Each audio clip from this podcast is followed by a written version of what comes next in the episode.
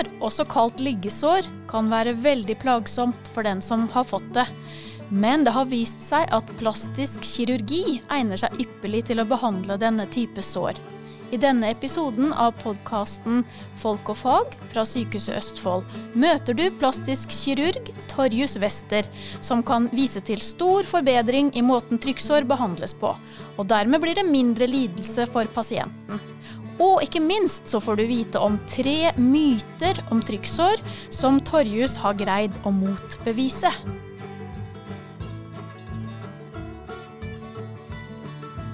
I dag eh, så har vi med oss en gjest som har jobba mye med forbedringsarbeid i Sykehuset Østfold. Han heter Torjus Wester. Det er kjempefint om du kan presentere deg selv, Torjus.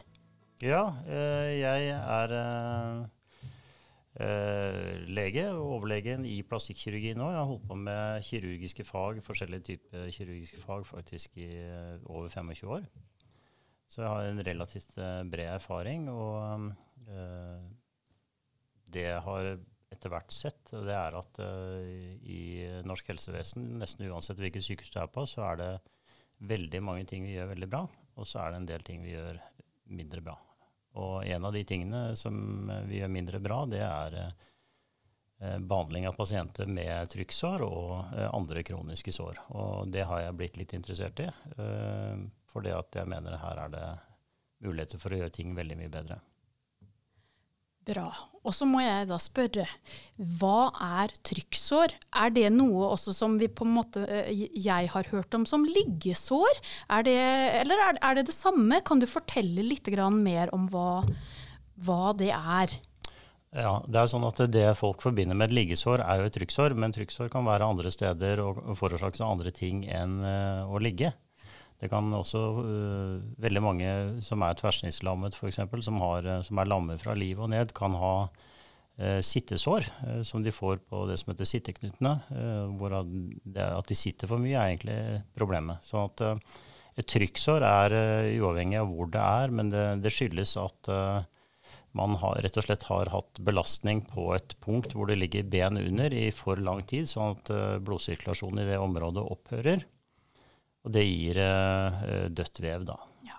Og det kan være på bakhodet, eller det kan være på ryggen, eller det kan være på over halebeinet, det kan være på sitteknutene, det kan være på, på, yttersiden av låret, på knærne, føttene, overalt egentlig. Overalt, ja.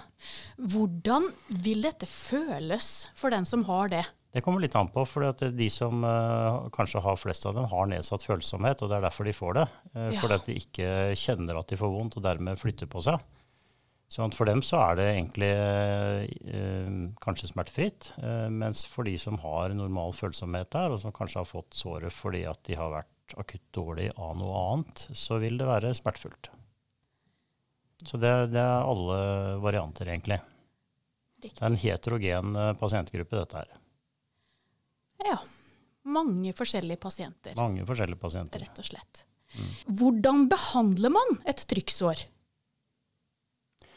Uh, ja, hvordan man bør behandle det, eller hvordan det blir behandlet, er jo to forskjellige ting, uh, stort sett. Uh, det kommer jo an på veldig mange ting. og det er Behandling av trykksår det er en veldig avansert ting som handler om veldig mye mer enn et sår også. Det handler om pasienten og motivasjon og allmenntilstand, hvor det er plager, den type ting. Så det betyr at to pasienter som har et sår samme sted, skal ikke nødvendigvis behandles på samme måte. Og det, det, krever eh, kompetanse for å finne ut uh, hva som er best, uh, best behandling. Uh, sånn at det, det, krever tverrfaglighet, og det krever at du har interesse og kunnskap om pasientgruppen, selvfølgelig. Og det er også sånn at Noen kanskje skal ha samme type behandling til slutt, men at den ene pasienten er klar for endelig behandling med en gang, mens den andre må gjøre andre ting, korreksjoner, før, før vi kommer dit. da. Sånn historisk sett så jeg har vært på åtte forskjellige sykehus så langt og snakket med folk på andre sykehus nærmest i hele landet. Og jeg mener at uh, behandlingen av trykksår generelt er, uh, det er vel kanskje den pasientgruppen vi behandler dårligst i landet. Uh, det som er vanlig, er at disse pasientene kommer inn på sykehus, kanskje med trykksår. Og det første som skjer, det er at legene på forskjellige avdelinger krangler om hvem som ikke skal ha pasienten. Ja. Det er starten på innleggelsen på veldig mange av disse pasientene. Mm. Og til slutt så er det da en avdeling som taper, men de vet ikke hva de skal gjøre med den pasienten. Og dermed så skjer det først ingenting. eh, Og når det endelig skjer noe, så setter de en eller annen eh, uerfaren kirurg til å gjøre det vi kaller en revisjon. Vi skal rense opp såret, men i aller, aller fleste tilfeller så er det en fullstendig inadekvat operasjon. Fordi at eh, de ikke har erfaring i dette her, og gjør så godt de kan, og er livredd for å lage såret større. Det skjønner jeg. Men, øh, og det skjønner jeg også sånn Ja. intuitivt, men sånn etter hvert så er det jo sånn at hvis det såret skal gro, og du først skal rense opp, så må det jo komme til friskt vev. For det at, øh, som jeg pleier å si til disse som er litt interessert i det, det er at eh, nesten uansett hvor stort såret blir, så kan jeg reparere det. Men jeg kan ikke få dødt lev, vev levende igjen. Nei. Så vi må ta bort det. Ja. Uansett om vi skal rekonstruere det, som det heter, altså bygge det opp igjen, eller om vi skal la det gro fra bunnen, så må vi ta bort alt dødt vev. Mm. Sånn at det, det har sjanse til å gro Ja, på en eller annen måte. riktig. Og før, vi, før jeg engasjerte meg i dette her, så, så så vi jo at disse pasientene ofte lå i mange uker. Og de var på operasjon mange ganger, operert av mange forskjellige nei, av leger, og stort sett uh, operert på kvelds- og nattstid. Og eh, kanskje ble utskrevet eh, etter flere uker uten at det egentlig hadde skjedd noe positivt. Og i verste fall negativt ved at de hadde ligget så lenge og fastet mange dager til operasjonen, blitt strøket fra operasjonen eh, og egentlig ikke kommet noe videre. For da tenker jeg det, det må jo da være slitsomt for den pasienten som det gjaldt. ikke sant? Ligge lenge på sykehuset, som du sier, kanskje faste mange ganger, og at resultatet heller ikke av et sånt opphold ble som ønsket. Nei. Nei. Det er klart at dette er jo syke pasienter i utgangspunktet, så de har lite å gå på, veldig mange av dem. Altså det er, noen, er jo, noen er ikke så syke. Det er jo som jeg sa en heterogen gruppe, og du kan si noen av disse pasientene er pasienter med en tverrsnittslammelse som ikke egentlig feiler noe annet, og så har de dette såret, og så opererer vi det i en rolig fase. Det er klart de tåler, de tåler det, men de andre pasientene som har vært akutt dårlig Mm. og fått det såret i den, eh, de har ikke mye å gå på. Nei. Og der må man eh, legge en behandlingsplan relativt raskt eh, på hva som er best behandling for den pasienten. Og dette her, det var noe du så og begynte å ta tak i, eh, skjønte jeg. Var det her på sykehuset Østfold som du begynte med det, eller har du gjort det Eller hvordan hvordan oppsto den tanken i deg, og at du begynte å få, få til et sånt forbedringsarbeid? Eh, Tanken har eh, Jeg har egentlig tenkt eh, så lenge jeg har vært kirurg, at dette her virker ikke riktig måte å gjøre det på. Så har jeg ikke vært i noen posisjon hvor jeg verken har kunnet behandle dem på noen annen måte, eller fått aksept fra folk høyere opp i systemet på at vi kan gjøre det annerledes. Og, når det gjelder denne pasientgruppen, så er det utrolig mange myter som alle eh, som driver med kirurgi har hørt, og som de tror på.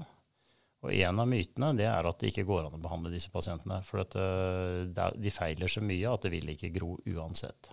Det var interessant. Det er den ene myten. Den andre myten er at det, eh, det vil tilhele konservativt, altså at, eh, at det gror av seg selv, men det tar tid. Mm. Den tredje myten er at hvis du får det til å gro, så vil de få nye sår andre steder. Eh, og det tenker jeg det er jo i utgangspunktet et, eh, et merkelig argument. Fordi at eh, hvilke andre pasientgrupper behandler vi ikke fordi de kan få samme tilstand en gang til? Altså sier infeksjonsmedisinerne nei, vi behandler ikke infeksjonen din, for du kan jo få en annen infeksjon en gang. Eller Nei, hjertelegene. Ja. Har du hørt en hjertelege som sier nei, vet du hva, det hjerteinfarktet ditt det behandler vi ikke, for det er stor sannsynlighet for at du en eller annen gang får et hjerteinfarkt til. Veldig godt poeng, Og, rett og slett. Eller kreftlegene. Ja. Altså, så, så hvorfor tenker vi sånn om denne pasientgruppen her? Og Mm. hvorfor får man lov å tenke sånn i det hele tatt, når man ikke tenker sånn om noen andre pasienter? Mm. Så, så disse mytene eh, lever i beste velgående på alle sykehus rundt omkring. Nesten uansett hvilken kirurg du diskuterer dette med, så kommer disse argumentene. Alle vet det, men ingen har prøvd. Og så tenkte jeg som så at når jeg da ble plastikkirurg etter å ha holdt på med både gastrokirurgi og ortopedi, så tenkte jeg at uh, nå, plutselig nå har jeg lært teknikkene for hvordan vi skal operere disse her, og det er ikke noe hokus pokus i det hele tatt. Jeg har ikke funnet på noen operasjonsmetoder. Det er etablerte operasjonsmetoder som man har brukt på andre pasienter. Og så har jeg tenkt sånn, sånn Ja, hva risikerer vi egentlig med å operere denne pasienten? Og i mange tilfeller så har vi funnet ut at vi risikerer ekstremt lite. Altså, Det skal veldig mye til at pasienten får en verre situasjon, selv om det går dårlig på operasjonen. Eh, sånn at jeg har vært eh, villig til å, å, risikere det, for det er så mye å vinne og lite å tape. Og så har vi til vår store overraskelse sett at dette her har gått egentlig bedre enn vi selv forventet at det skulle gå. Ja, men åh, det varmer hjertet mitt veldig å høre. Veldig flott. Så, så, da har vi fortsatt, og så har vi vi sier vi har pusha litt grenser. Ja. Og så er det klart at vi har ikke fått alle til å gro, men jeg gikk gjennom eh, materialet fra Jeg begynte her i 2014. Jeg begynte å operere trykksår i 2015. Da opererte vi to. Ja. Nå er vi på 12. januar. Jeg har allerede operert tre i år. Så jeg har operert 50% mer de første ti dagene i år enn jeg opererte hele 2015. Og i 2014 ble det vel ikke operert en eneste en. Nei. Sånn at, og vi har også sett at det, eh, vi har komplikasjoner, det vet vi. Eh, og forbedringen i forhold til operasjoner vil nok i stor grad handle om å håndtere komplikasjoner riktig, sånn at det ikke blir noe stort problem. Okay, for de, ja. de, vil vi ikke klare å sanere, for vi opererer i et vev som er uh, sykt, og med mikrober, bakterier, som ligger der, og det vet vi. Mm. Så at, utfordringen nå for å bli enda bedre handler om å, å forutse og, behandle komplikasjonene tidlig, sånn at det ikke gir noe uh, stor, uh, stort problem på sikt. Så hvordan foregår dette her nå i sykehuset? Altså hvordan får du det, Vet avdelingen at de nå skal henvise til, til deg, da? Kirurgisk avdeling vet det. Ja. Uh, og det tok veldig lang tid før vi faktisk fikk dem henvist, og det syns jeg var rart. For vi tilby å ta over den behandlingen på pasienter som de egentlig ikke har kompetanse eller ønske om å behandle. Mm. Mens de bare kunne da lage en henvisning til oss, så ville vi overta dem. Mm. Eh, og det har vi fått dem til å gjøre nå. Ja. Og det er jeg veldig glad for. Men det er klart det er mange andre avdelinger på, på sykehuset. Altså alle avdelinger på sykehuset får trykksår. Ja. Eh, gynekologisk avdeling, ortopedisk avdeling har masse. Eh, infeksjonsmedisin. Eh, lungeavdelingen, hjerteavdelingen. For det er dårlige pasienter som kommer inn, mm. og så prioriterer de. ikke sant? De prioriterer å ta det livstruende. Mm. Og når de er ferdig behandlet, så, mm. så har de kanskje trykksår. Mm. Sånn at alle avdelinger på sykehuset har trykksår. Ja. Og det har vært mye mer kjent nå den siste tiden at uh, vi er til stede og er interessert i dem. sånn at uh, vi har fått, jeg tror vi har fått uh, eh, tilsynsforespørsler på nær sagt alle trykser som har ligget på kirurgen, og kanskje etter hvert ortopeden, men det fortsatt eh, tar mye lengre tid før vi hører om eh, trykksårene som ligger på andre avdelinger. Så det er, det er liksom neste ledd i forbedringsarbeidet, å nå ut til alle. Mm. Da håper jeg også at vi med oss etter hvert får publisert denne episoden med deg, mm. kan bidra til å spre informasjon og kunnskap om behandlingen ja. av uh, trykksårene. Og jeg har, vært, eh, jeg har, vært, på møte og snakket med ledelsen på medisin, sånn at de er uh, innforstått med problemet og uh, veldig villige til å forbedre seg på det området i forhold til å ta kontakt tidlig med oss. Da. Så bra.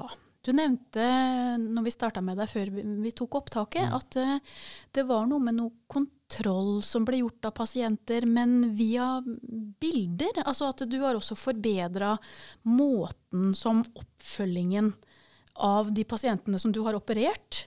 Stemmer det? Ja, både førstegangsvurderingen og oppfølgingen videre gjør jeg nå ikke med fysisk oppmøte på poliklinikken. Og det, det, er flere grunner. For det første så, så fant vi ut at den uh, første vurderingen og kontrollene når de kanskje kommer med ambulansetransport og det man er mest opptatt av, er om eh, ambulansepersonellet kan bli eh, gjennom konsultasjonen, sånn at pasienten ikke blir liggende i timevis på poliklinikken. Som ga en veldig dårlig vurdering av, av både pasientens tilstand, sår, og jeg tror det var ydmykende for pasienten også å, å ligge der. Så det ble en veldig dårlig eh, konsultasjon. Uh, og funnet ut at egentlig det som fungerer veldig bra, det er en telefonkonsultasjon med uh, de som uh, steller pasienten, og pasienten sjøl, og tilsendte bilder. Ja. Og vi kan gjøre en vurdering av hele totalsituasjonen, og så snakke rolig og fredelig om hvordan sår har oppstått, hva slags hjelpemidler det er, ernæringssituasjonen, pasientens motivasjon, mm. hvordan støtteapparatet rundt pasienten fungere. Og så kan vi f.eks. prøve konservativ uh, tilnærming da, med sårstell og forslag til sårstell i, i, noen uker. Og så kan vi se om det går framover eller ikke, og så kan vi gradvis ta stilling til om dette er et sår som bør opereres av oss, eller om vi skal satse på uh, konservativ tilnærming. Videre så har vi også egentlig funnet ut at uh, det er ikke noe vits å ta dem til kontroll heller etter operasjonen, for det blir noe av den samme situasjonen. Og det blir en ekstra forflytning kanskje, som ikke er bra. Og kontrollene kan uh, gjøres med bilder og telefonkonsultasjon på det helsehuset eller hjemmesykepleien hvor de er.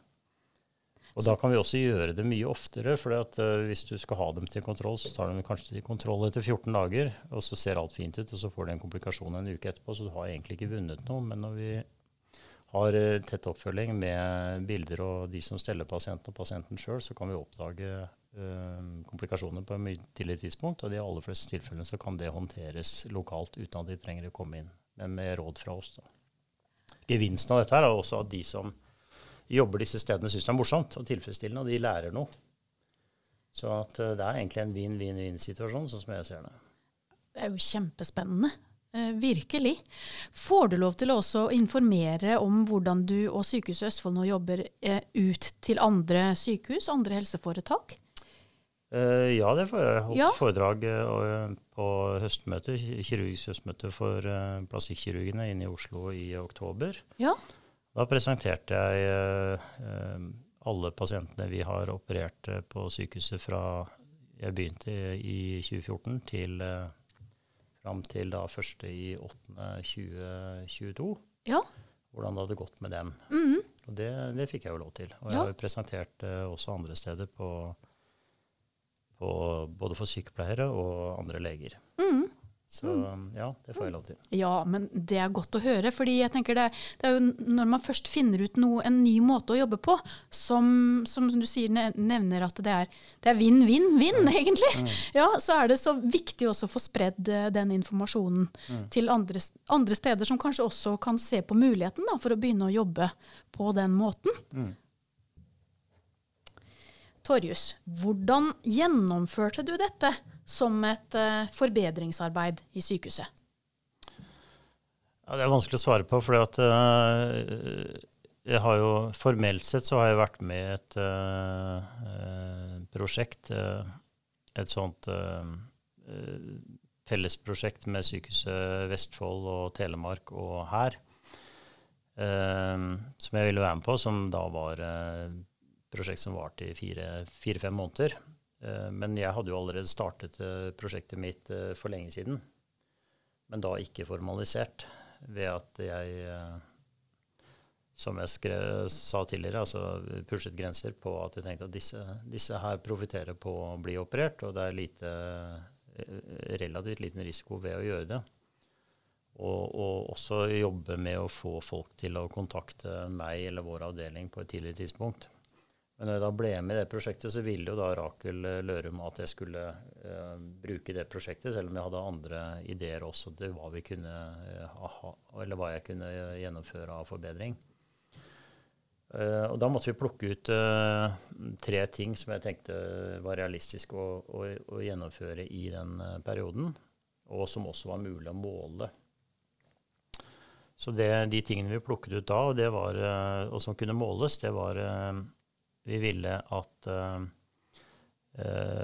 tiden det tok fra pasientene kom inn på sykehuset til vi visste om dem, skulle kortes ned. Så vi ville at det skulle skje i løpet av et par-tre dager. Tidligere hadde vi jo erfart at det kunne ta fire til seks uker før vi hørte om pasientene. Ja, det er jo lenge. Mm. Uh, og, så det var det ene målet. Så ville vi at vi, antall uh, operasjoner før endelig kirurgi skulle reduseres. Ja. Sånn at vi ville ha bort de kvelds- og nattoperasjonene av, uh, utført av leger som egentlig ikke har erfaring og kunnskap om det. Så vi ville ha ned det til målet var egentlig én operasjon før vi kom inn i bildet. Ja. Og ikke seks-sju, sånn som det ofte hadde vært før. Det var det andre. Og så var det tredje at vi ville at pasientene skulle bli utskrevet med en plan både for uh, behandling og videre oppfølging. For det så vi også at manglet. Okay. Og det betyr eh, ikke nødvendigvis at pasienten skulle opereres av oss, men det skulle være en plan for hvordan behandlingen videre ute i primærhelsetjenesten skulle foregå, og hvordan vi skulle følge med på at det faktisk gikk framover. Så det var de eh, målene jeg satte, og som da var, eh, eller eh, det var det vi ønsket å oppnå.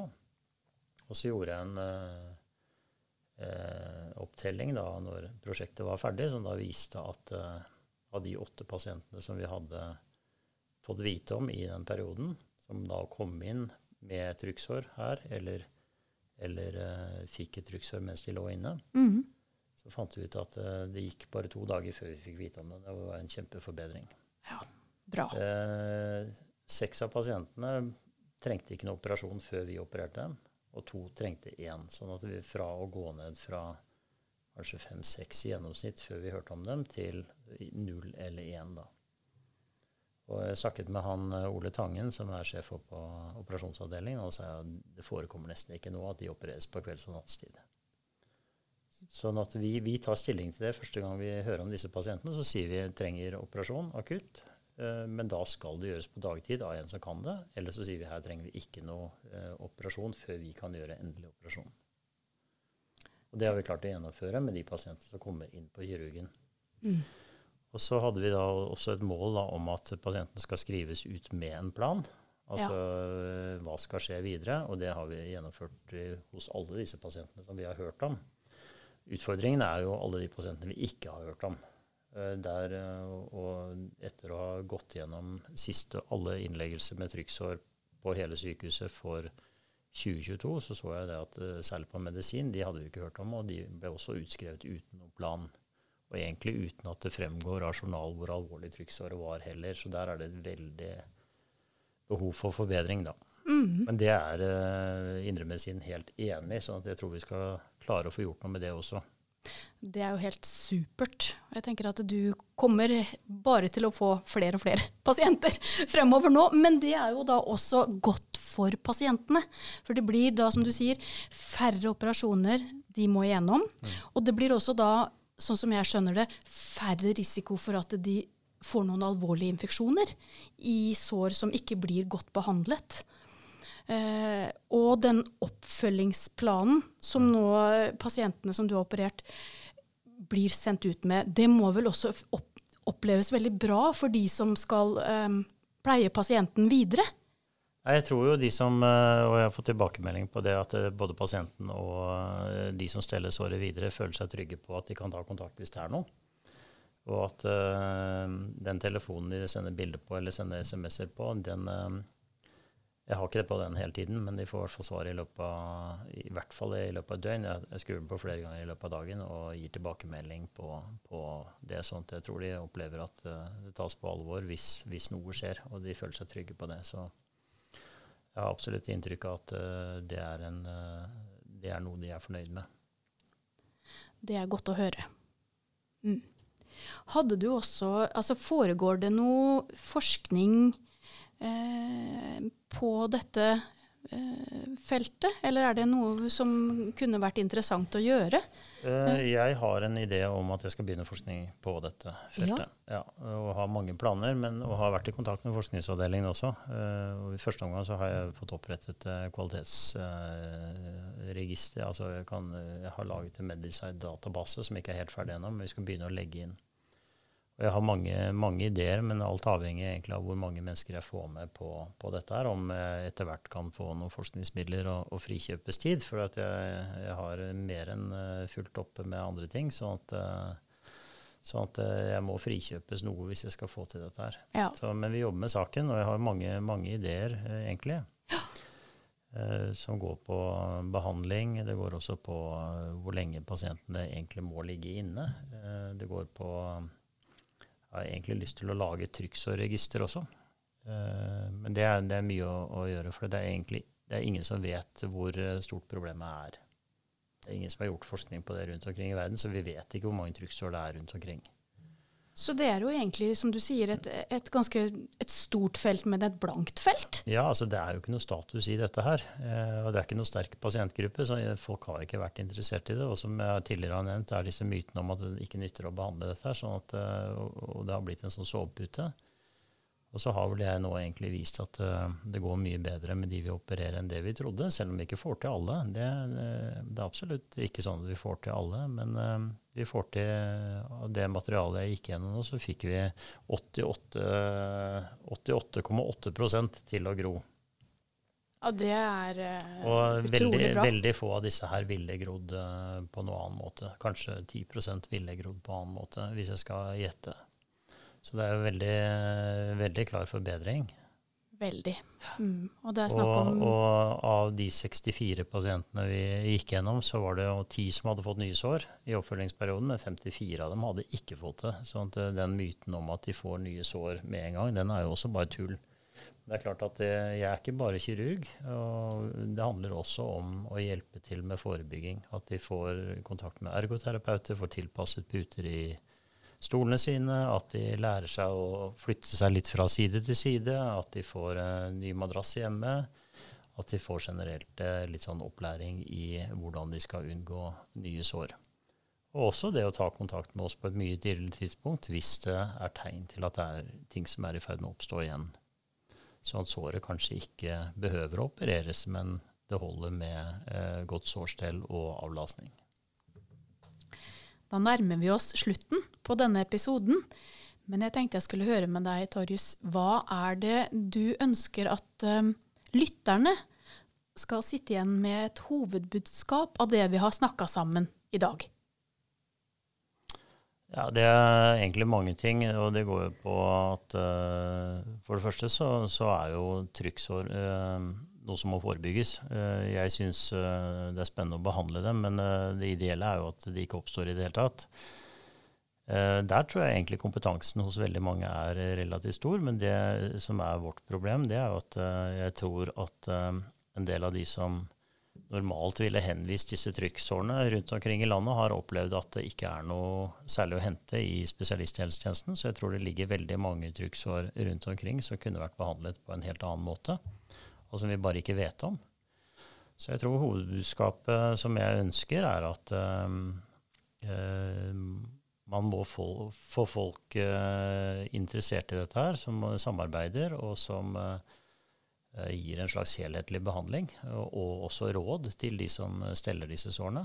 For jeg tror at sannsynligvis med riktig behandling så kan man få kanskje 70-80-90% av disse sårene til å tildele på en helt annen måte, og til og med bruke mindre ressurser. Og definitivt uh, mye bedre for pasientene. For det at Jeg vet ikke. Uh, hvis jeg hadde fått et sår og fått beskjed om at det kommer til å gro i løpet av et år, men i løpet av det året så må du komme igjen hjem og stelle deg bak hver eneste dag. Eh, og du kan ikke gjøre noe særlig annet, og det kommer til å lukte, og det kommer til å være smertefullt og kompetansen til de som kommer, er veldig varierende. Ville du akseptert det? Jeg ville ikke akseptert det for meg eller mine pårørende. Og hvorfor i all verden skal vi som behandlere, når vi ellers i helsevesenet gjør fantastiske ting, akseptere at én gruppe utsettes for det, når vi har eh, en helt annen type behandling å tilby, som sannsynligvis vil hjelpe de aller, aller fleste. Veldig bra. Tusen takk for eh, at du stilte opp her i Sykehuset Østfold sin podkast. Tusen takk for at jeg fikk komme.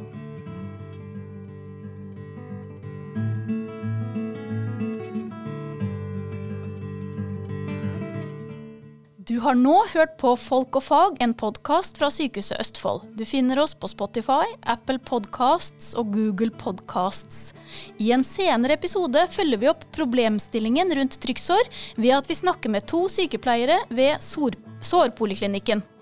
Husk å følge oss for å få varsel når vi slipper nye episoder. Hvis du likte det du hørte, så setter vi pris på om du anbefaler oss til en kollega eller en venn.